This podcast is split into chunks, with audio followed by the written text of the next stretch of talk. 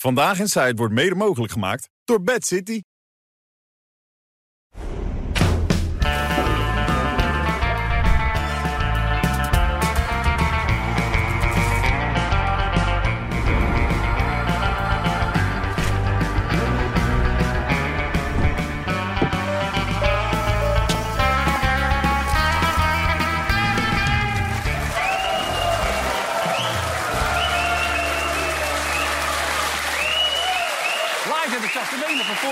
Uitzending van Vandaag in. We hebben er zin in. 5 oktober, wat gaat die tijd snel? Johan Derksen, Rutger Kastricum, René van der Grijp, Merel EK... en professor dokter ingenieur Jan Rotmans.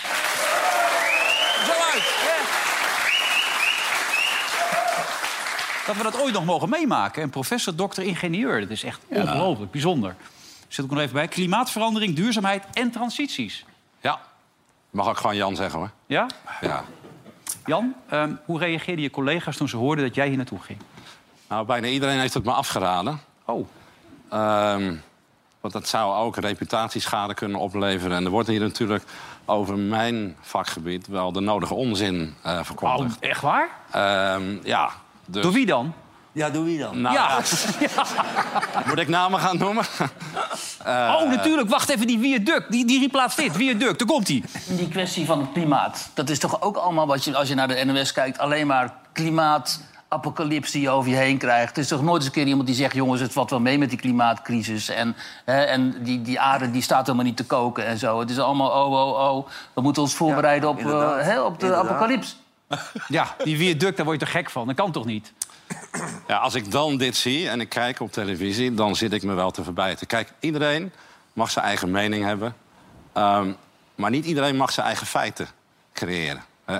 dit is feitelijk onzin. Het klimaat verandert. Dat weten we. Hè. We meten dat al 150 jaar. En de mens heeft daar een dominante invloed op. Hè, door de hoeveelheid CO2 die wij in de atmosfeer brengen. En dat heeft te maken met het feit dat wij dus fossiele energie verbranden. Nou, ik ben niet iemand van de apocalyps. Hè. Ik ga geen doembeelden prediken. Maar het is wel een zeer serieus probleem. Het is een van de grootste complexe opgaven waar wij als mensheid voor staan. Als jij dan hier gaat zitten en je zegt... ik geloof het niet of het valt allemaal wel mee... Kan ik dat als dat als wetenschapper niet serieus Johan nemen? wandelt vaak in, in Drenthe, in de bossen. Zien er hartstikke goed uit. Er is niks aan de hand, zeg jij Ja. toch vaak? Dat is wat jij ziet. Ja, niks aan de Nou, ik gun Johan hè, die wandeling door de Drentse bossen. Maar wat hij zegt is echt aperte onzin. Je kan als leek kan jij niet waarnemen als jij daar wandelt... of de natuur voor of achteruit gaat. Als je iets zinnigs wil zeggen over het klimaat... moet je 30 jaar lang kijken en metingen doen... om een significant verschil op te merken. Als Jan, jij je kent- over die hei wandelt... Ja, dan kan jij niet waarnemen Nee, maar of het goed even. of Je slecht kent dit programma toch wel? Er gaat toch niet tegen Johan Derksen gezegd worden dat hij apert onzin Dit uitslaat? is heel ongebruikelijk. Dit is heel ongebruikelijk, dit. Ja, klopt. Ja, nee, dit kan niet de bedoeling zijn. Nee, maar ja, je was voorbereid. Hier gaat iets Eh, mis. Eh, Ik heb het al eerder gezegd, hè. Eh, dus, nee, maar ik mag dat zeggen als expert, toch? Ja, nee, je mag het zeggen, maar je, zijn je neemt het risico dat je Maar jij een kan als leek Waar je zie dat ik dat aan? Waar zie kijk, ik loop tien jaar door datzelfde bos. Ik Ja. zie geen verandering. Maar waar kan ik dat aan zien dat het terugloopt dan? Je kan het zien aan de invloed van de verdroging, klimaatverandering. Er zijn nu andere soorten hè, dan pakweg 30 jaar geleden. Eh, je ziet het aan de verkleuring van de hei bijvoorbeeld... die niet meer die originele paarse kleur heeft. Je ziet het aan de verdringing van soorten. Je ziet het ook hè, aan het feit dat het hele ecosysteem is veranderd. Maar jij als leek kan dat niet waarnemen. Dan moet je met experts praten... die jou precies in detail kunnen vertellen... wat er veranderd is in al die jaren. Maar dat is nog niet zo heel erg. Nee, Nee, het is erger als we dadelijk tweede kerstdag gewoon in ons zwembad liggen. Dat, eh, ja. dat is erger. Hè? Nee, kijk, Dat we tweede, tweede kerstdag gewoon in ons zwembroekje door de tuin lopen. Nou ja, en waarschijnlijk niet eens ons zwembad, omdat het water zo gaat stijgen. Waarschijnlijk gewoon in onze achtertuin. eh, dat is een zwembad dan.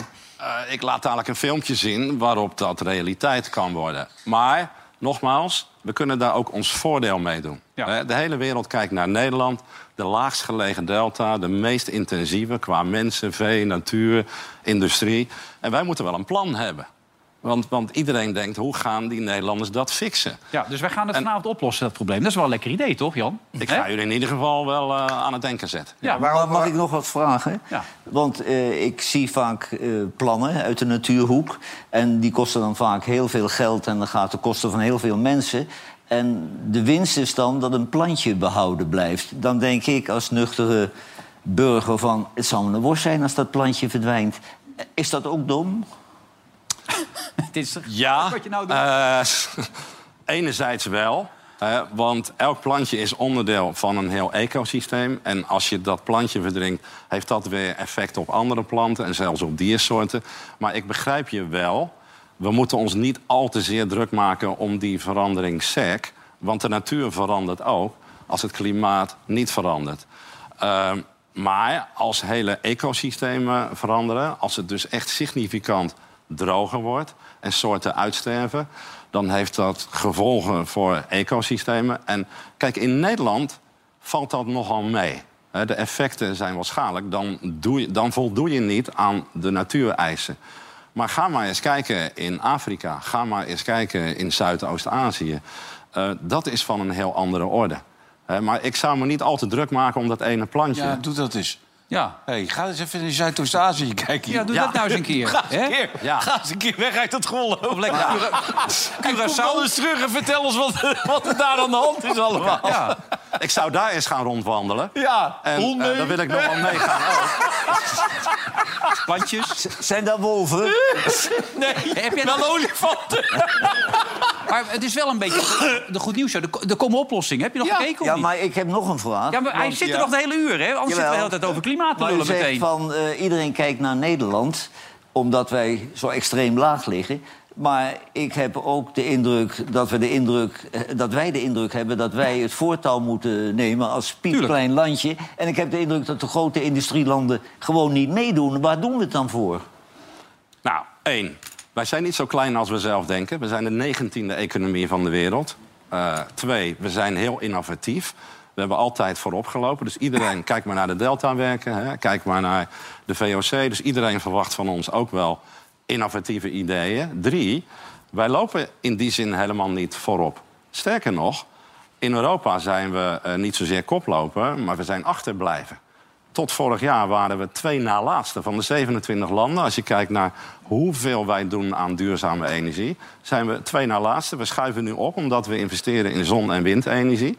Dus het hele idee wat ik ook wel eens in Den Haag hoor, dat wij de groene gekkie zijn en voor de troepen vooruitlopen, we lopen achteraan. Ja, maar Als je in het Azië, vergelijkt met daar openen ze iedere dag een kolencentrale zo'n beetje. De, de, de airports die schieten daar als paddenstoelen de grond uit. En, Ik ken, en, ik ken alle argumenten. Jongens, ik moet echt zo meteen die Eh, negen weer uit... Of, sorry, die donkere man weer uit, de- uit die zee laten komen. Anders hebben we wel Maar nou een wordt, het weer een, nou wordt het weer een meningenshow. Kijk, Ja. Ik ga de Playboy lezen Ja. niet hebt. weet je trouwens dat Merel die ruikt eraan, weet je Ja? dat? Die kwam binnen Aan die en die begon binnen, binnen en die ruikt aan de Wat Playboy. ruik jij eraan? Ja. Nee, het ruikt heel lekker. Je moet, maar, je moet hem eens open doen. En dat is een automatisme. Likken kan ook likken. Niet alleen. Ik doe het niet alleen bij de Playboy. Ik- ik- nee, we hebben voor het eerst een professor, weet, ik- weet ik veel wat. Nee, nee, we hadden afgelopen Laten nou vrijdag ook een hoogleraar. We hadden, hadden vrijdag ook een hoogle- hoogleraar. Die is overspannen thuis, heb ik begrepen, al een week. hè. Ja, die, die, die bestuurskunde hoogleraar die we afgelopen vrijdag hadden... die is nu, zit thuis. Nou, hè. die is verslaafd aan porno geworden door al die filmpjes. Mag ik nog iets zeggen in antwoord op Rutger? Eh, China produceert meer zonne-energie dan alle andere landen ter wereld samen. Om maar een idee te geven. China heeft een plan. Dus je willen zit in ook al per ton in uit te 2060. slaan. Maar dan mag je kolencentrales openen. Ja, zij zeggen, wij moeten nog 20 jaar door met kolen en olie. Maar we bouwen nu al voort zodanig dat de volgende generaties duurzame energie krijgen. Die hebben een plan. Wij hebben geen plan. Ze hebben een plan voor de komende 35 jaar. Heb jij er ook als- gekeken? Ja, Als ja, ik, ik, heb ook eh, gekeken. Als ik heel bewust ga leven en rekening houd met de natuur... en Tata Steel en Geemoers en Dordrecht, die mogen gewoon doorgaan... dan denk ik, waar ben ik mee bezig? Dat begrijp ik. Maar ook die grote industriepartijen worden nu aangepakt. Er ligt een voorstel vanuit het kabinet om de tien grootste vervuilers. En daar hoort Tata Steel bij. daar eh, hoort ook eh, Shell bij. Om die extra te gaan belasten. Alleen, ja, elke keer als we dat doen... dan komt er weer een lobby vanuit die bedrijven om het uit te stellen. Maar er ligt wel degelijk een serieus plan. Dat gaan we ook doen. Twee, als wij nou allemaal ons gedrag aanpassen en wij worden duurzaam, kunnen we 40 à 70 procent minder CO2 uitstoten. 40 à 70 procent. Even los van wat die bedrijven doen, los van de technologische ontwikkeling. 40 à 70 procent. Maar moet Johan niet. stoppen met roken bijvoorbeeld? Of mag je nog wel doorroken dan? Wat mij betreft mag die gewoon doorgaan. Eh, eh, maar dat is op zich ook wel een mooi voorbeeld. 50 jaar geleden rookte 90% van de volwassenen. Overal waren asbakken. Als je de kantine binnenkwam bij het voetballen, iedereen rookte. Je werd aangemoedigd om te roken. Dus mijn moeder was zwanger van mij, toen rookte ze. Dus mijn kinderen zeggen, daar is het al misgegaan natuurlijk. En toen stopte een kleine groep met roken, 5 à 10 procent. Die lazen over hoe schadelijk het was. Die beïnvloedden de kring om hen heen, die beïnvloedden groot. Toen stopte de massa na 30 jaar. En toen pas kwam de overheid met beperkende maatregelen. Die maakten het duurder, verboden het in de horeca. Dus het is de sociale norm die veranderd is. Want vroeger was je stoer en gezellig. Maar als je nu rookt, ben je een beetje een sukkel. U moet Ja. nu op uw woorden gaan passen. Wacht even. Ja, Aperte onzin, dom en een sukkel heb je hem al genoemd. Dus eh, dat zijn er al drie. Hey, controleer je of die man zijn diploma's wel Eh, heeft? professor, dokter, ingenieur. Doe, kan, hebt hij een alcoholtest gedaan voordat hij... Levensgevaarlijk dit zeg. Maar ik bedoel, moeten we anders die koninklijke familie niet een beetje aanslaan? Want die eens even wat van die dingen gaan op, eh, voor hun rekening gaan nemen. Met al die onzin die ze de hele tijd onze... Hè? Wat vind jij ervan, Rutger? Ja, je bedoelt dat hij eh, nu... eh, nou, weer met die NSDAP. Alhoewel, NSDAP, iedereen wist dat ja, al lang ja. natuurlijk. Ja, dat was dat helemaal geen... Nou, ik, wat, wat, ik- wat, ik, wat ik gewoon leuk vind... Kijk, ik heb me mijn hele leven gestoord aan het arrogante, hotijne gedrag van de Volkskrant. Hè? En die Pieter Broertjes met die Jan Tromp. Jan Hmm. Tromp, dat was de grote sterverslaggever. Die Pieter Broertjes was de Volkskrant. Hij werd later hier burgemeester aan Hilversum. Die hebben wekenlang tegen die prins Bernhard aan zitten schurken... en maar eh, publiciteit zoeken van wij krijgen het ultieme eh, exclusieve interview... en we mogen het pas publiceren na zijn dood. Eh, daar hebben ze zo mee gescoord en trots dat die twee waren. En die hebben zich gewoon daar dagenlang in de maling laten nemen door die oude gek. Ja. Ja, maar het gek is toch, in 1962 was er al een biografie door een Amerikaan geschreven, begreep ik. Daar stond het gewoon in. Heeft- Nova heeft het ook al een keer verklaard in laat- 19, 1996. Daarom, dus het, zo, zoveel nieuws is het. Die man die zat gisteren bij Umberto, die legde uit... ja, ik heb het gewoon in de bijlage erbij gezet. Ja, ja, wist dit toch al? Zo zei hij het. En in 37 heeft hij het opgezegd, hè? En, en, Ja. en, en eh, aan de Dat ene... Juliana net, eh, de, de verloving was geregeld. Ja. Niemand kon, eh, wilde met Juliana trouwen. Toen hebben ze hem ergens een beetje beetgepakt. Nee, maar dat heb je toch gezien in die Hij documentaire? had ook bij, bij het huwelijk niet die SS-vlag op zijn mouw, eh, of wel? Nee, dat weer niet. Maar ze konden niemand vinden voor haar. Iedereen liep steeds weg. En toen hebben ze hem zo'n beetje beetgepakt. En toen heeft hij dat lidmaatschap Ja, opgezegd. maar joh, die man, dat was een arme adel in Duitsland. Die was Ja. lid van alle verkeerde partijen die er bestonden. Ja. En die dacht, ik pak die Juliana, dan kan ik leven als een playboy. En daar Ja. heeft hij optimaal van genoten. Ja. Nou, dat heeft hij wel gedaan. Die is Ja, getrouwd en toen is hij in zijn auto gestapt. Toen hebben ze hem nooit weer teruggezien. Dan ga je een vliegtuigje erbij en zo. Ja, dat was niet te geloven. Acht buitenechtelijke Ik kinderen. hoop dat hij tijd gehad heeft om al die prinsessen zelf te verwekken. Ja, die zijn allemaal ja, heel trots op hem. En eh, het is zijn vader, snap ik ook wel. Maar ik kan me ook voorstellen... De koning daarentegen, die zei wel van... We moeten wel ruiterlijk erkennen dat wij ook fout hebben Woont hij gemaakt. zich het zo verleden. aan? Nou, ik kan me wel heel goed voorstellen dat het eh, nieuws eh, echt eh, een grote impact heeft. Eh, dat het eh, veel emoties oproept, met name ook bij de Joodse gemeenschap. Wanneer wist u het? Dat is niet zo relevant. Het gaat erom dat ik besloten heb om eh, nu het hele archief eh, beschikbaar te stellen tot 6 september 1948. Inclusief alle elementen die misschien wat minder vrij zijn. Maar was u geschrokken? Nee, dat was, op dit moment eh, gaat het daar niet om. Het gaat erom dat het voor mij eh, heel belangrijk is dat ik eh, dit vrij kan geven en beschikbaar kan maken voor alle onderzoekers die dit willen onderzoeken bij het huisarchief. Dank u wel. Ik krijg ook wat voor zich. Ja, maar kijk, kijk je kunt het die kinderen niet kwalijk Nee, nemen. Maar je hier. zit wel met een probleem. We hebben een koningin, die vader die heeft de mensenrechten geschonden. Die was mede verantwoordelijk voor 30.000 politieke Fidela. doden. Ja. En dit is de kleinzoon van een SS'er. Ja, en wat ik wel heel irritant vind, is dat, eh, Zijn dat, vader was ook nog, toch? Een beetje dat hij dan bepaalt of het wel of niet relevant is. Dat vind ik heel irritant. Dat Ja, zegt hij tot twee keer af toe. blijkt, dat was met Rutte gisteren ook. Die Ja. zei ook, ja, dat doet er niet toe. En dat, Ja, daar ga ik wie- verder niks over zeggen. Nee. Maar hij zegt zelf, ja, dit is heel transparant. En kijk eens hoe transparant het Ja. Koningshuis is. Maar zelf vertellen wanneer je het wist. En hij zegt ook, ik had het eruit kunnen halen, maar dat heb ik niet gedaan. Omdat ik het... Maar wie zegt dat hij niet andere dingen er dan uit Nee, misschien zitten er nog wel een paar eh, van. Nee, maar als de hele tijd dit, zie je het hem wel, dat hij... Kijk, hij heeft er duidelijk over nagedacht. Eh, Hij wist het eerder en dan kan hij nu meteen zeggen... vooral de Joodse gemeenschap zal dit eh, aangrijpen. Ja, natuurlijk. Maar eh, hij had het inderdaad eh, onder de tafel kunnen laten verdwijnen. hè. Dat heeft hij niet gedaan. Dat zie je hem dan wel, vind ik. Ja, maar het omgekeerde is natuurlijk... dat had Prins Bernhard zelf ook kunnen doen. Sterker nog, daarom had hij hem gekregen van die Amerikanen, begreep ik. Van, dan mag je hem zelf door de shredder halen. En die dat heeft hem gewoon begrijp ik opgehangen aan de muur. Dat begrijp Ja, ik dus Dat niet. kan er ook niet. Nee. Dat is het andere uiterste dit. Gewoon bewaren. Dat slaat er eigenlijk helemaal nergens op. Ja, maar je, je kan het ook even in de open haard flikkeren. Dat bedoel ik, ja. Ja. En daar is Ja, heel wat in die open haard. Met de lokje te verre, denk ik. Ja, Maar, ja. Nee, dit soort bewijzen moet je niet eh, bewaren. Ja, maar het feit Ja. dat hij het niet bewezen heeft, heeft hij er geen moeite mee gehad, klaarblijkelijk ook. Ach, en mensen kunnen zo snel veranderen. Die Wopke Hoekstra, man, wat is dat lekker dat hij zo groen is. Hè? Die is Nou. opeens de groenheid zelf. Het is gewoon een soort kabouter geworden. Het is een soort chameleon, hè? Dat is fantastisch. Die loopt er opeens... kikker. Ja. En hij is er doorheen. Wat ik niet helemaal begreep. En nou las ik dus dat die, dat die Samson die was steeds met hem bezig. Hè? Oefenen, antwoorden geven enzovoort. Weet je wel wat groen is? Ik heb geen flauw idee. Nou leg ik je uit, dit is groen. En die hebben ze tegengestemd, las ik nu, de PvdA. Ja, ja, dat klopt. Ja, die hebben ze, de Sociaaldemocraten hebben tegengestemd. Jawel. Omdat ze het eigenlijk niet geloven eh, wat hij daar allemaal verkondigt. En ze denken dat hij het toch niet eh, waar gaat maken. Dus, eh, maar ze hopen het van wel, dat hij alles wat hij daar heeft verkondigd... dat hij dat dan eh, uit gaat voeren. Maar ze denken het niet. Nee. Maar dat is een, een politieke stem, hè? Die, ze waren gewoon tegen.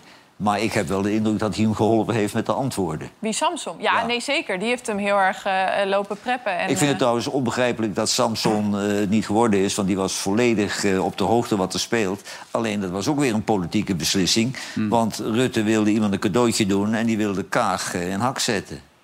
Nou, zo werkt het toch, dat Ja, hele wereldje. blijkbaar. Heb jij hem nog opgezocht, eh, Hoekstraal? Nee, ik ben er geweest. Ja, ik ben in Straatsburg geweest. eh, bij eh, zeg maar het moment dat hij die hoorzitting had. Ja. En, nou, dat... Hé, hey, Rutger, hoe is het? En dat Nee, werk? nee, want ik heb al eh, niet een hele goede verstandshouding met hem. Eh, met heel veel politici overigens gewoon wel, hoor. Dus, Oh. Ja, eh, maar met dat hem... wil je er even bij zeggen. Dat is Precies, belangrijk. Ja, dat maar- mensen geen beeld van jou krijgen. Nee, dat is heel belangrijk. Ja. akelige gozer ben. Nee, nee maar nee, hij is... eh, eh, op zich ging ik met hem ook best aardig. Alleen in voor, de vorige zomer, toen kwam hij ineens met het, met, met het interview in het AD... Hmm. Waarin hij eh, 2030 niet meer heilig vond om eh, de stikstof eh, te halveren, eh, te reduceren tot 50% Dus eh, eh, ja, dat leverde een hele hoop gedoe op in het kabinet. En eh, daar had ik wat lastige vragen over. En toen kreeg ik eigenlijk voor het eerst een beetje mot met hem. Met Woppert. Ja, En, hoe, uitte zich dat dan? nou ja, dat hebben we volgens mij eh, op beeld. Oh ja? Oh. Vindt u dat het eh, versneld moet of niet? Nee, maar ik ga niet onderdelen van het rapport er nu uithalen. dat heb niet? ik ook twee dagen geleden gezegd. Omdat we nu als kabinet daarnaar gaan kijken. Maar dat is toch uw werk? Eh, en dat er veel aanknopingspunten Maar het is toch juist Ja, uw werk om onderdelen eruit te halen? Ja, geen grap. Is die 2030 dus niet heilig? Is toch een hele is- normale vraag is, eigenlijk? Dit is namens het hele kabinet. Eh, maar ik vraag het aan u. collega's. Ja, maar dat, ik heb u de antwoord op. Ja, maar u stapte daar toen Dus ook u uit. U stapte daar toen ook uit. En u zei het ook anders. Met wie spreek ik eigenlijk nu? De partijleider of de minister? Dat weet u. Ik ga als minister naar binnen. Ja, dat, eigenlijk heeft hij best wel... eh, eh, ik weet niet hoe jij dat ervaren hebt, Merel... maar ik heb hem zien veranderen op dat moment. Hij was best wel eh, open en hij was, was best wel aardig en leuk. En vanaf dat moment is hij eigenlijk voor mij heel gesloten. Krijg je ook die baard? Dat was ook... Ja, en, Ja. En, en, en, en, en koud en, en voorbijlopen en moeilijk doen. En, en hij lag moeilijk in het kabinet. Dus, nou ja... ja hij heeft Maar je bent er naartoe gegaan, maar je hebt niet, niet gesproken. dus. ja, ik heb dus wel, eh, ja, ik heb hem wel gesproken. Hm? Al- Als het ervoor doorgaat tenminste. Eh, ik heb hem eh, toen, die- want hij zat in een make-up kamertje. Samson liep daar overigens ook omheen. En Ja? eh, ehm, eh, het hele oude team van Timmermans was eigenlijk nu, is nu dus het team van Wopke Hoekstra. Wat ook al heel gek is. Ja. Dus de, de, de mediastrateeg en alles, dat liep eromheen. En dat was het allemaal aan het uitstippelen hoe het allemaal moest. En ja, ik kon me niet aan de indruk onttrekken dat ze daar niet heel blij waren met dat ik daar was. En eh, die hebben daar wel eh, het een en ander in het werk gezet om mij daar buiten te houden. Eh, hij was in een make-up kamertje, heeft hij ook, ik denk, nou, ik denk wel een half uur, drie kwartier gezeten voordat hij op moest. En hij was echt gespannen. En, en, en wat ik ook wel op zich wel weer begrijp, want het is best wel een groot moment. Hier zit in zo'n hoorzitting en de hele wereld kijkt mee. Dus ik snap dat allemaal best. Maar de manier waarop hij dan mij, met mij omgaat... en ook wel met andere journalisten, hoor. Want hij, was gewoon, hij wilde gewoon eigenlijk helemaal niks. En hij kan het natuurlijk ook niet uitleggen. Want eh, eh, hij heeft in eh, deze zomer heeft hij nog over 2030 gehad... wat niet heilig was. En nu gaat hij ineens... eh, eigenlijk niet, niet Frans Timmermans, maar Frans, Frans Timmermans 2.0. Want hij, Ja. gaat er nog, hij doet er een schepje echt, een schepje bovenop. Ja, maar hij heeft echt, zoals vroeger op school, een proefwerk moeten maken. Hij heeft Ja. het uit zijn Uit hoofd zijn hoofd geleerd allemaal. En En Samson Samson, heeft- was ja, een souffleur. klopt, ja. En die heeft het schriftelijk allemaal gedaan. ja, En ja. hij weet ook niet waar hij over praat. Als hij dadelijk discussieert, hij heeft de feiten niet. Nee, nee, en dat is dus wel, eh, eh, als je dus boeren hier in Nederland spreekt... die eh, hadden echt een hoop gevestigd op eh, Wopke Hoekstra ook, eh, als het om de conservatieven gaat in het Europarlement... die dachten echt van, nou, met Wopke Hoekstra, daar hebben we iemand mee. En eigenlijk is zowel links Ja, maar hebben we er beelden van toevallig? als rechts is eh, bedrogen uitgekomen. Ja. Wat je nou aan het vertellen bent? Ja, nee, ik, hij kwam toen na die hoorzitting eruit en daar stond ik hem toen op Oh, te dat wachten. wel. Ja, ja. En er werd een gevecht. Dat u geslaagd bent. Ik moet steeds zo denken aan dat liedje van... ik ben mezelf niet of nooit geweest. Weet u wel, van Akda de Munnik. Ja, daar- heb ik niet aan moeten denken. Nee, maar Eh, hij- vindt u dat dit genoeg wij was wat wij u hier gedaan heeft? Wij gaan aan de wandel. Meneer Hoekstra, waarom eh, wilt u dit eigenlijk zo graag? Is er mijn, eh, Rutger, we hebben zo uitgebreid van, met elkaar van gedachten gewisseld. Nee, helemaal niet. Ik, ga daar niks meer, eh, ik heb daar niks meer aan toe te Waarom niet? Maar zo uitgebreid van gedachten verwisseld hebben wij helemaal niet. Wat is het Nee, voor maar, onzin? maar, maar het is, weet je, jij weet ook, het parlement is nu aan zet. Ik vraag alleen, waarom wil u het zo graag? Nee, is maar niet zo'n rare heb ik- vraag? Moet je kijken wat een gevecht dit is. Waar gaat dit over? Nee, maar ik heb daar... Ik, heb Ik daar... stel een hele normale vraag. Waarom wil u dit zo graag? Geeft waarom geeft u maar ik heb drie, ik heb drie uur hebben we. Hier ziet u uw verslaggever in een ouderwets gevecht om hele normale vragen te kunnen stellen. Maar Hoekstra had zich samen met zijn team van tevoren heel duidelijk voorgenomen om lastige mensen gewoon hardhandig opzij te zetten. Doe, jij, doe jij dit voor een omroep? Ja, voor... Oké, nee, ik dacht misschien doe je het gewoon, weet het leuk Ja, voor Dat zelf. zou- Ja, ja. Nou, dat is niet leuk dit. Vind je dit gewoon leuk? Ja. Maar het is een beetje jouw, eh, jouw ouderwetse rol. Hè? Ja, het is niet, ik was dit ook niet meer zo gewend. En ik Nee, was maar ik er- wist helemaal niet dat je dit nog deed. hoor. Ik dacht Ja. dat je Nee, maar programma's deed. d- dat doe ik ook. Ik- dit was ook niet de opzet. Alleen, eh, Oké. maar ik vind wel, die discussie hebben wij vorige keer gehad... Van, eh, je, hè, dat je tegen Merel zei, je moet er niet meer maar achteraan voor wie lopen. deed je dit dan? Voor wie deed je dit? voor- Poont. voor- Op Poont. Op Pound, Ja. oké. En, Kijk jij hier naar, Jan? Deze man? Nou, als ik heel eerlijk ben, vind ik het volstrekt ongeloofwaardig. Hij heeft zich nooit actief ingezet voor de vergroening van de economie. Hij heeft een achtergrond bij eh, Shell en bij McKinsey. Hij wil deze baan graag en probeert dan in een paar maanden eh, nog groener te zijn dan Frans Timmermans. Kijk, dat vind ik wel een politiek manco. Eh, iedereen prikt daar doorheen, jullie ook. Eh, en terecht. Zelfs wij. Ja. Nou ja, nee, maar nee, ik ben ook fan van dit programma. Bedoel, dat is de andere kant. Eh, Ik kijk vaak genoeg. Eh, Ik heb zelfs een keer in het publiek gezeten. Eh, Maar, maar ja... Met al die aperte onzin? En toch blijven... Ja, nou, het is ook amusement. Ja. Die kant, die vind ik leuk. Maar kijk, zo'n man maakt zichzelf eigenlijk volstrekt belachelijk. En we hebben juist behoefte aan authentieke politici, verbindende politici... die gewoon wat ze zeggen ook waarmaken. Ja, hij- hij, is nu al afgebrand voordat hij überhaupt begint. En we hebben het over een baantje van een half jaar of een jaar. Ja. Nou, Ja, want hij gaat daarna natuurlijk nooit meer door. Want, want eh, dan zijn de Europese verkiezingen. Ja. Dus hij doet dit voor negen maanden, geloof ik. Of voor een jaartje. Ja. En dan, hooguit een jaar. Maar daarom snap En dan ik een wachtgeldregeling van drie jaar waarschijnlijk, of niet daarna? Hè? En dan weer een wachtgeldregeling van twee of Ja, drie jaar ja, daarna waarschijnlijk? ja, van drie ton. Want Ja. hij, mag, hij mag niet eh, ehm, eh, iets anders nu. Hè? Want hij moet Nee. gewoon het beleid van Timmermans uitvoeren. Want er, er was dan ook iemand die zei... ja, want dan willen dat, dat hij nu aan kernenergie gaat. Maar daar gaat hij deze, dit jaar helemaal niet over. Nee, dat klopt. Maar hij wil wel de doelstellingen uit die Green Deal... Hè, en dat Fit for 55, nog naar voren halen en aanscherpen. Ja, dat, ja nog erger dan Timmermans dus, ja. Eh, ja, dat is wel een, een, een majeure opgave, om het zo maar te zeggen. Maar wat vind jij daar dan van? Want jij bent, jij bent daarvoor. Ja, is dat, is dat een, een redding Ja. Voor Nederland, kernenergie? Eh, ik moet eerlijk zeggen, ik was ooit tegen. Want ik zag vooral nadelen. Maar ik ben daarin wel gekeerd.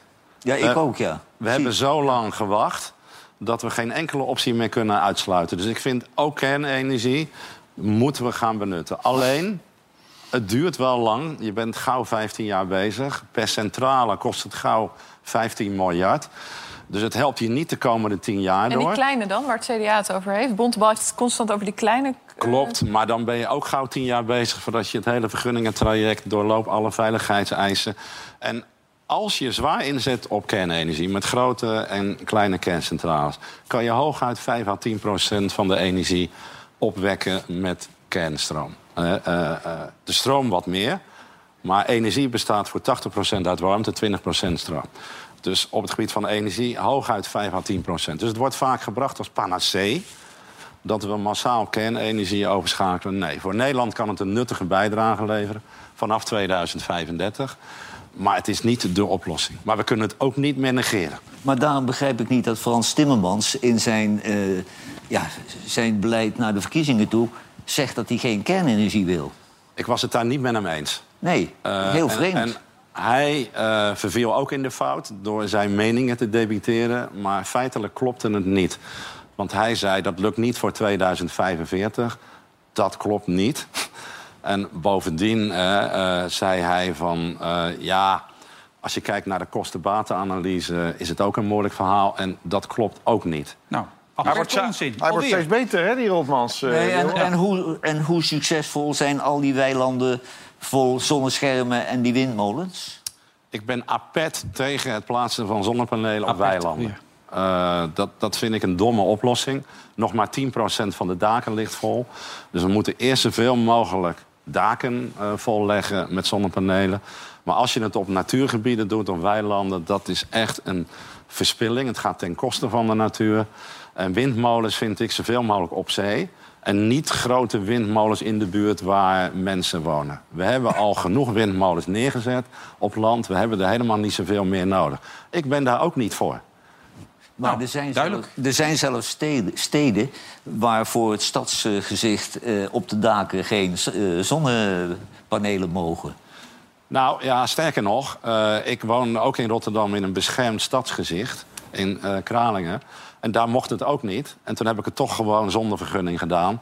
Met als resultaat dat ook andere mensen het in de straat eh, gingen doen. Maar na vanavond moet je ze Nee, weghalen, Jan. Denk ik. Ja, ik ben inmiddels verhuisd, eh Wilfred. Oh, je bent verhuisd. Dus diegene die er nu woont, heeft een probleem. Eh, juist. Ja, dat is lekker. Oh, kijk, daar heb je hem. Ja, dat was ook niet aardig van je dit, hè? Nee, dat is niet sympathiek dit, Jan. Nee, ik kan me voorstellen dat je bent verhuisd. Ik wist dat je een filmpje erbij zou Nee, het is een foto. Filmpjes hebben we niet vandaag. Althans, geen leuke filmpjes. hey, even Matthijs van Nieuwkerk. Hij mocht toch niet aan de bak vanwege Frederike Leeflang. NPO-voorzitter. Wat vind je ervan toen je dat las? Dat ze hem toch nog een beetje even in het, eh, Nou de kast heeft laten weet je, zitten? Ik, ik zou wat dingetjes afwachten. Wat Ja, nog- zij zei ook er onderzoek nog afwachten. Ja, tuurlijk. Moet er een ja. veilige omgeving komen. En hij moet zelfreflectie tonen. Dat is belangrijk. Heeft hij gedaan, toch? Ja, inmiddels heeft hij dat In zeker dat- gedaan. dat stuk, ja. Ja. Heeft hij Als wel... ik, als ik hem was en ik zou dat verhaal lezen... die mevrouw komt van de Zuidas. Nou, en die arrogant, die, die straalde zo ook uit. Ze heeft de hele woke-gemeenschap weer optimaal bediend. Als ik dit als Matthijs zou lezen... dan zou ik van mijn leven nooit meer een stap binnenzetten... bij de Ik zeg publieke omroep. SBSS, toch? Ik heb ook zo'n idee. Ja, wat denk jij, Rutger? Want onze Frans heeft het achter de schermen al lang geregeld. Denk Laat je? dat maar aan Frans over. Ja. Nou, ik heb hele andere verhalen gehoord. Oh. Eh, namelijk dat eh Matthijs van Nieuwkerk er eigenlijk al lang uit is bij de publieke omroep. En dit interview wat er vandaag in de krant stond... wat ik overigens ook nogal hotin vond... eh, eh, het gaat over... eh, eh, hij, ik heb bepaald in mijn eentje dat hij niet meer... Ik, ik, zeg, maar ik denk dan, waarom zeg je dat in een krant? Ja. En nu blijkt ook dat eh, dat interview dus alleen maar voor de bühne is. Want het is al lang beklonken. Hij eh, heeft al eh, afspraken met Omroep Max. En daar gaat hij gewoon naartoe. Maar er is met André van. Duin samen. Gaat hij die boot zitten? Ja, Andreetje. Nou, of dat, dat, dat En taarten Jannie. bakken. Jannie erbij. Jannie erbij. Lekker man. En, en Jan zelf natuurlijk. Jantje zelf Jan, erbij. Jan Jan, presenteert het. Jan Ja. presenteert alles. Ja. Hier Ja. is Matthijs van Nieuwkerk. Oh, ik doe het zelf wel. Wacht, dat is- En je hebt die ook postje in de buurt voordat er een omvalt. Ja, dat vallen elke dag eh, vallen oudere mensen om. Hè? Zeker. Maar ja, bij, eh, bij Poont zouden hem dus ook graag willen. Ik weet eh, dat Dominique zei ook bij onze voorzitter... maar ik wil best het gevecht met eh, mevrouw Leeflang aangaan. Ja. Eh, als hij niet bij de publieke omroep... Het is totale waanzin dat hij... En, en je kan zeggen, ik moet even wachten. Maar hoe lang moet je wachten? Weet je, het is... Hij heeft dus... Ja, dat eh, onderzoek, hè, dat is het steeds- Nou ja, hij, dat onderzoek gaat eigenlijk helemaal niet over personen, heb ik Nee. begrepen. Dat gaat over een cultuur.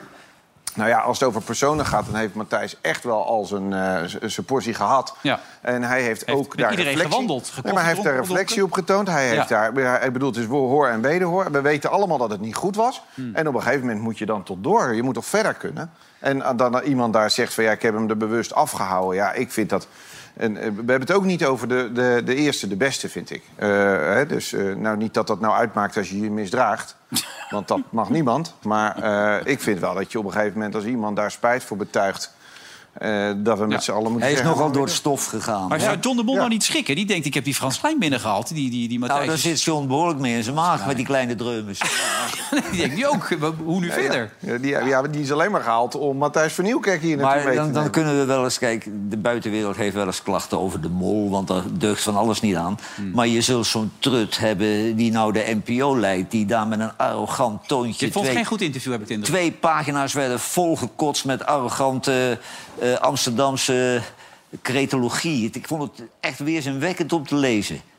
Wat wel Weet je wel, ongehoord. Nederland kreeg ook weer een veeg uit de pan natuurlijk. Ja, ja, ja, dat begrijp ik ook niet. want, Nee, maar eh, wat de wookgemeenschap wil, dat, dat, dat Nee, ik, zij. ik, ik vind ook niet dat, dat je als NPO of ook nog niet aan de politiek moet vragen om een omroep te verbieden. Ik vind dat zulke waanzin.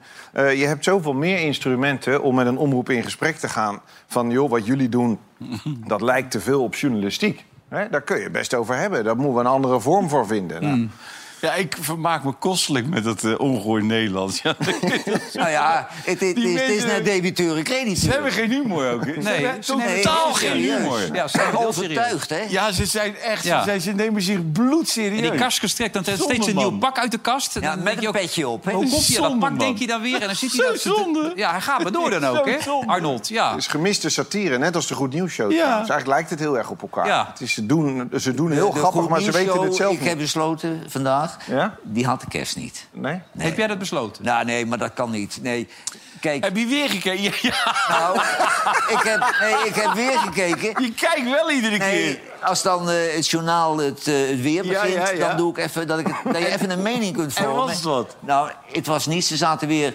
vier anonieme mensen. Ik kende er niet één. En Nee. die zeiden ook weer niks.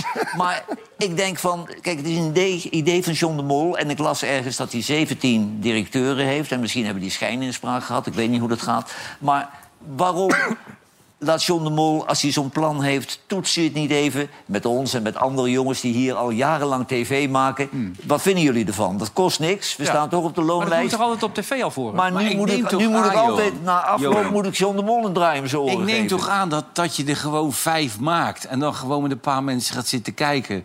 En dan tot de conclusie komt, het is niet veel. Nou ja, je moet altijd een proefopname maken Ja, maar niet één, maar een paar. En dan ga je gewoon kijken. Nou, dan ben je alles met elkaar twee uur bezig. Ja. En na anderhalf uur denk je, jongens, laten we dit niet doen. want Nou ja, nee, dan gaan ze met een man of tien kijken... en dan kijken ze eerst wat John ervan vindt. En dan zeggen ze, oh, hij vindt het Ja, goed. maar die, die directie, als John zegt dat het Eh. een goed idee is... zitten de 17 te knikken. Die, die, die koppen vallen er nog een keer af van de knikken.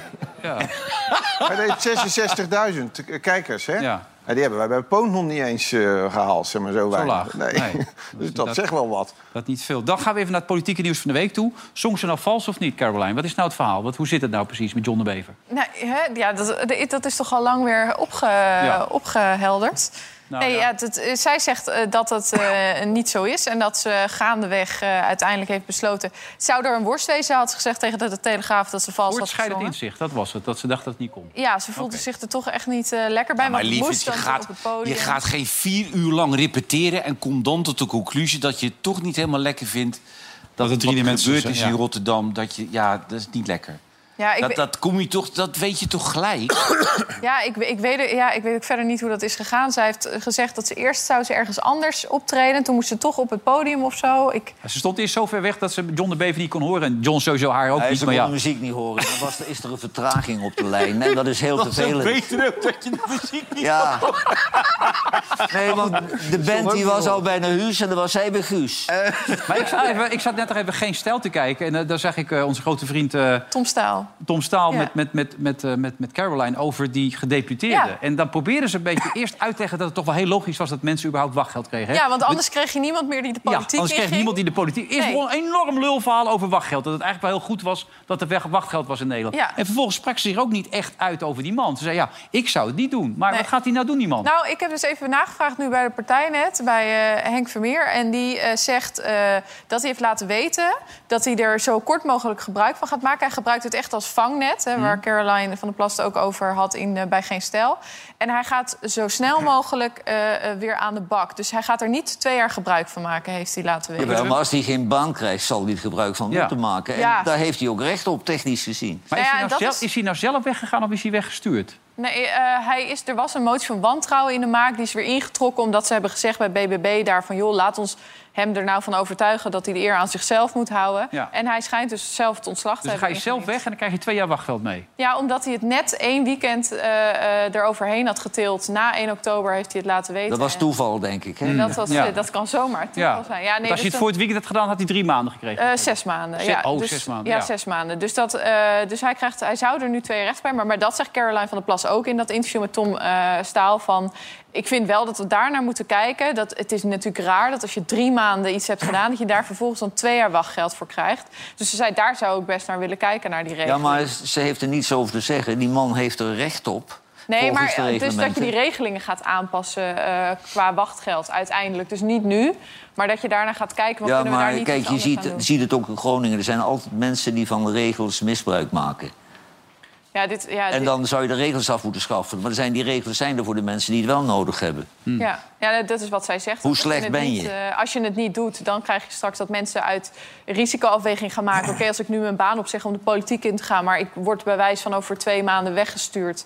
eh, ja, dan ga ik het risico niet, eh, Wat niet deed nemen. deze gedeputeerde eigenlijk voordat hij eh, de politiek in ging dan? Dat weet ik niet. Oh, Nee, oké. best. geen idee. Ik weet zijn naam ook even niet. Ik weet zijn naam Hij niet deed nooit zijn best. Ja. Nou ja, dat, hij, hij, hij deed dus niet zijn best. Dat was het hele probleem eh, als gedeputeerde. Hij deed nog geen Ja, nee, dat, dat, ze- dat zeggen ze als Verdomme. gedeputeerde. Deed hij niet zijn best. Hij kwam totaal niet uit de verf. En, eh, Ja, maar het is het oude verhaal. Ik deed vroeger altijd heel veel gemeenteraadsvergaderingen. En dan kwamen gasten en die kwamen dan... en dan zetten ze een handtekening en dan hadden ze recht op een vergoeding. En dan gingen ze gewoon eerder weg. En als ze aan het woord kwamen... en dan wisten ze van het heer hier niks. Ze hadden de stukken niet gelezen. Het is zo amateuristisch. Als je veel bij gemeenteraden zit te kijken... Maar de BBB wilde juist dit toch gaan bestrijden? Deze Precies, van politiek, precies. Maar kijk, ze hebben wel het probleem gehad dat zij allemaal nieuwe mensen moest zoeken. En er is er nou één door de mand gevallen, dus het valt mij nog reuze mee. Ja, we zijn nog niet, hè? 22 november duurt Nee, nog. Nee, we hebben nog niet eens dus ik denk dat het ja. erger nog moet komen bij al die de nieuwe partijen. Ja, dat denk ik ook, Rutte daarentegen, die draaide weer alle kanten op hè, bij dat verhoor van de week weer. Hè? Ja, gisteren eh, de parlementaire enquête fraudebeleid. Hebben ze dus vier weken lang verhoren gehad. eh, over eh, hoe dat echt tot 30 jaar terug. Hoe dat fraudebeleid ooit is vormgegeven. Hoe dat nou kon dat mensen zo door de mangel zijn gehaald. En vermalen door het systeem. Rutte is al een keer aan het begin hebben gehoord. Als staatssecretaris van Sociale Zaken en Werkgelegenheid. En nu werd hij gisteren eh, gehoord als premier. En eh, het, was weer, het, het viel heel erg op. Dat hadden ze wel ook af en toe bij ambtenaren of bij hoge bazen. Dat ze zeiden, nou, wacht even. We onderbreken u even in het verhoor, want we vroegen eigenlijk dit. En dan gaan mensen hele eh, andere kanten op. Maar Rutte deed dat gisteren zo ontzettend vaak dat het op begon te vallen. En dat is natuurlijk een bekend trucje van hem. Er zoveel bij halen dat je uiteindelijk niet eens meer eigenlijk weet... wat je eigen vraag was. En dat leidde uiteindelijk hiertoe. Natuurlijk alle maatschappelijke discussie en, en de Kamermotie Nee, uit de- maar eh, toch even, meneer eh, Rutte, ik, 2011. ik onderbreek u wel even als mij toestaat. Tuurlijk. Ja. Eh, dat kan de minister van Justitie Maar dat zijn. zei dus- toch even, meneer Rutte, ook in het kader van, van... u heeft waarschijnlijk ook nog een avondprogramma. U bent een, een, een drukke man, nog drukker dan wij. nee hoor, ik heb een hele avond vrijgehouden. nou, dat, dat, dat is prettig, maar... eh, Omdat dat maar kritische als raad van antwoord- Statenadvies verwerkt is. Als, u het antwoord, als het antwoord ja is, is, is dat ook goed. Ik vraag u gewoon een hele, hele simpele vraag eigenlijk. Ja, maar ik kan Maakt niet beantwoorden, want ik snap niet waar u het naartoe wilt. Ik wil nergens naartoe. Op mijn vraag, meneer Rutte, is dit nou besproken in de ministerraad? Antwoord nee. Wij hebben het eerder met elkaar vastgesteld dat als... De, de vraag is, eh, was de definitie van fraude nou een onderwerp van gesprek in de ministerraad of niet? Nee, eh, nee, alleen wij hebben net met elkaar vastgesteld... Ik, eh, ik is ga nog een- heel even door. U, ja, u Sorry. Jullie om- is pauze vallen, Ja. dus ik dacht dat u wilde... eh, Sorry. Ja, heeft de neiging om snel te antwoorden. Sorry. Ja, Mijn team zei, laat ze nou eerst de vraag stellen. En ze hadden gelijk. Ja. ja. Oké. Wat is dat Ja. toch, die man? Nee, het, ging, en hij, het, het, het was een verhoor van drie uur. Dus het ging ook over... Hè, hij heeft wel gezegd, toeslagenaffaire is natuurlijk heel erg, et cetera. Maar hij heeft ook dat fraudebeleid wel hard eh, toch lopen verdedigen gisteren. Van, Ja. Het was ook wel logisch dat we achter fraude aangingen... en eh, dat we daar iets Ja, uh, de zaak stond hem omkiepen en zo, las ik ook dat hij had Ja, geroepen hij zei het was een hele zware economische tijd. En we moesten dus ook echt wel gewoon... belastinggeld werd daaraan besteed. Moesten we ook wel echt goed Nee, maar controleren. dat vond ik wel juist. Tuurlijk is het taak om fraude te, te, ja, een halt toe te roepen. Maar het is doorgeslagen. Ja. Ja. En, en die, Ja, nu staan en ze die- in Groningen weer bij de barbecue te- op te scheppen wie de Nou ja, maar dat is, het, dat is het treurige eraan, weet je wel. Er altijd Ja. slechteriken zijn die dan daarvan profiteren. Ja, maar je zal die toeslagen, want ik maak nu, ben bezig met een documentaire over toeslagen kinderen. Die spreek ik in een. Ja. eh, en, en je zal maar dus die kinderen zijn en de ouders daarvan. En je ziet dit- deze manier weer van. Kijk, er zijn echt wel momenten, denk ik, dat we met z'n allen hebben van. Nou, misschien gaan we Rutte nog wel missen, maar dat is niet dit. Nou ja, en het was ook, dat liep ook door al die verhoren heen. Er werd op een gegeven moment gezegd... 180 miljoen euro moet daar worden opgehaald met die fraudebestrijding. En dat de ministeries op een gegeven moment zeiden... ja, maar dat kan helemaal niet, want zoveel kunnen we überhaupt niet ophalen... want zoveel fraude is er Nee, ze niet. moesten scoren, En hè? Toen zijn ze terug gaan duwen Ja. van... nou ja, ga het toch maar ergens eh, zoeken. En zo raakten dus eh, allemaal mensen een beetje... Dat, dat heb je ook bij politiekorpsen. Dan zegt de commissaris tegen die agenten... je moet dagelijks zoveel bekeuringen maken. Als je dan een keer hoest of niest op de fiets... dan krijg je een bekeuring, weet Ja. je wel. En je hoest de laatste tijd veel, veel meer op, Ja. dus jij moet oppassen. Ja. We gaan zo nog even door, ook al met Jan Rotmans... die ons gaat uitleggen dat misschien wel... Hoeveel jaar duurt dat, dat we meter meer water hebben in Nederland? Mag je zo vertellen. Na de reclame. Tot zo. Dag.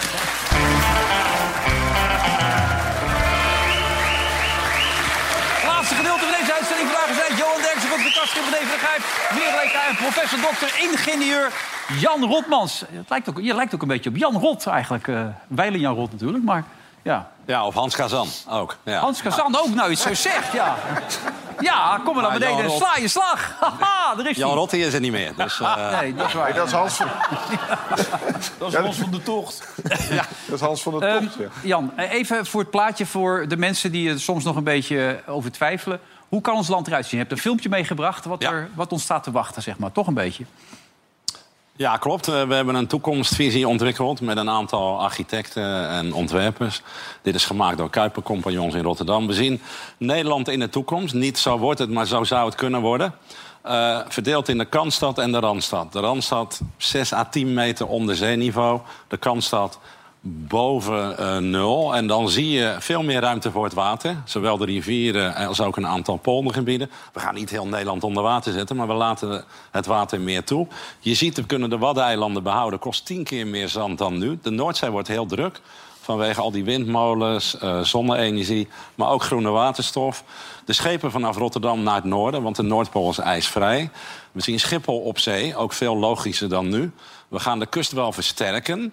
En je wil ringdijken om de steden om die te behouden. Maar we zien bijvoorbeeld het groene hart wordt het blauwe hart, Haarlemmermeer teruggeven aan het water. We gaan op het water wonen, werken, leven. We laten veel meer het water toe, anders wordt de druk te groot van het water op het land. En we gaan meer met de natuur meebewegen. Niet alleen maar de dijken verhogen en versterken, maar ook meebewegen met het water. Dus sommige gebieden mogen onderlopen, sommige helemaal niet en sommige af en toe. Nou, dit ziet er heel anders uit dan nu. Bijna elke vierkante meter gaat op de schop. We hebben meer ruimte nodig voor energie, voor water, voor natuur. We hebben wat minder landbouw, andere landbouw dan toen.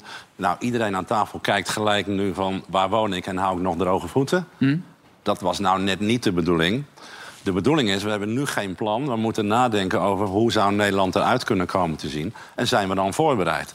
Als je dan kijkt naar die grote opgaven waar we voor staan... woningbouw, energie, landbouw op een andere manier, water... dan hebben we waarschijnlijk 60, 70, 80 jaar nodig. Dat betekent, als we over 100 jaar verder wegdenken... en een plan willen maken, moeten we binnen 10 jaar beginnen. Nou, die urgentie mis ik dus in Den Haag en zelfs in Brussel. Maar hoeveel is de zeespiegel hier gestegen? Als je dit 1 plan- meter. We zijn van een gematigd scenario uitgegaan. eh, in 100 jaar 1 meter. En een temperatuurstijging van 2 graden. Nou, als je kijkt naar de laatste ehm, ja, projecties... dan komen die hoger uit dan een meter. Het zou wel eens anderhalve meter, 2 meter kunnen worden. Maar als je door de tijd heen kijkt... en je kijkt verder dan over 100 jaar... over 2 of 300 jaar... dan gaat die zeespiegel 2, 3, 4 meter stijgen. En dat betekent dat je het altijd verliest als je alleen maar de dijken verhoogt en versterkt. Want op een gegeven ogenblik, 10 meter, ik weet niet hoe hoog dit is, dat, dat is gigantisch. We gaan nu zelfs bouwen op het laagste punt van Nederland. Daar ben ik bij betrokken, de Zuidplaspolder. 7 meter onder zeeniveau. Dus ik heb voorgesteld, doe dat dan ook met het water en in het groen. Ga dan huizen bouwen op het water, in de buurt van het water... dat je die druk probeert weg te nemen. En dat gaan we waarschijnlijk ook doen. door, zeg jij. De, politiek is er niet genoeg. Hebben we niks aan de Rob Jetters van deze wereld? Hoe staat Rob Jetter erin in dit hele verhaal? Nou ja, de, tijdens Prinsjesdag kwam naar buiten door het eh, eh, Planbureau van de Leefomgeving... dat voor het eerst eh, sinds ze daarmee bezig zijn... de klimaatdoelen die ze zichzelf hebben gesteld in het zicht komen, in ieder geval. Nou, we hebben eigenlijk nog nooit een klimaatdoel gehaald in Nederland. Maar we komen wel steeds in de buurt. Wij zijn trouwens het, het enige land wat die doelen dan niet haalt. Maar wel andere landen erop wijzen dat zij ze niet halen. Daar, zijn we wel goed in. Maar eh, het klimaatdoel is 55 procent. In 2030, afhankelijk van welk scenario je kiest... komen we ergens uit tussen de 45 en 55 procent. Maar op zich is dat winst. Want toen ik ooit begon, 35 jaar geleden... wilden we 50% minder CO2 in 2100. En toen dachten we, dat is onhaalbaar, dat is zo ingrijpend. En nu hebben we dat al bijna bereikt in 2030. Dus er gebeuren ook een heleboel positieve dingen. Maar wat Rutger zei, natuurlijk, dat is de kritiek ook van veel andere partijen... is dat je met al deze maatregelen inderdaad 0,000036 graden bijdraagt aan het...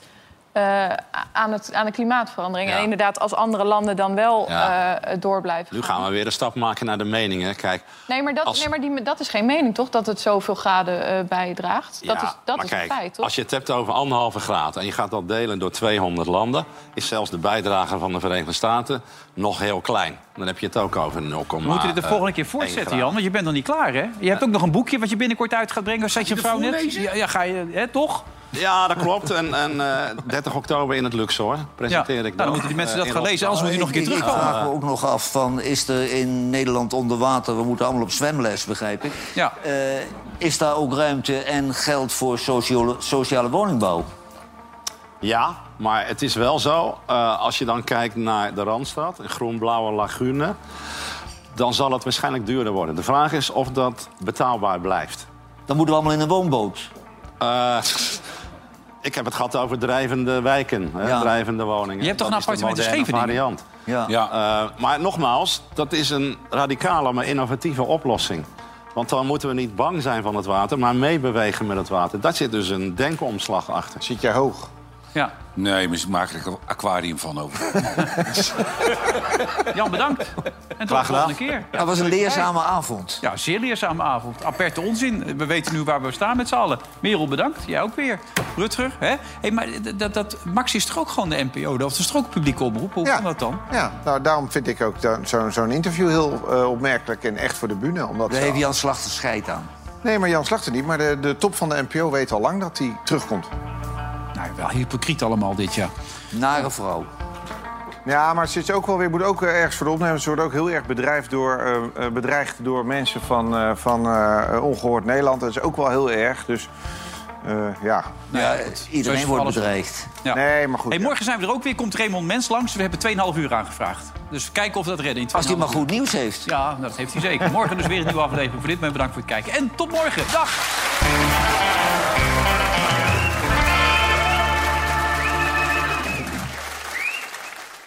Vandaag in Site werd mede mogelijk gemaakt door Bad City.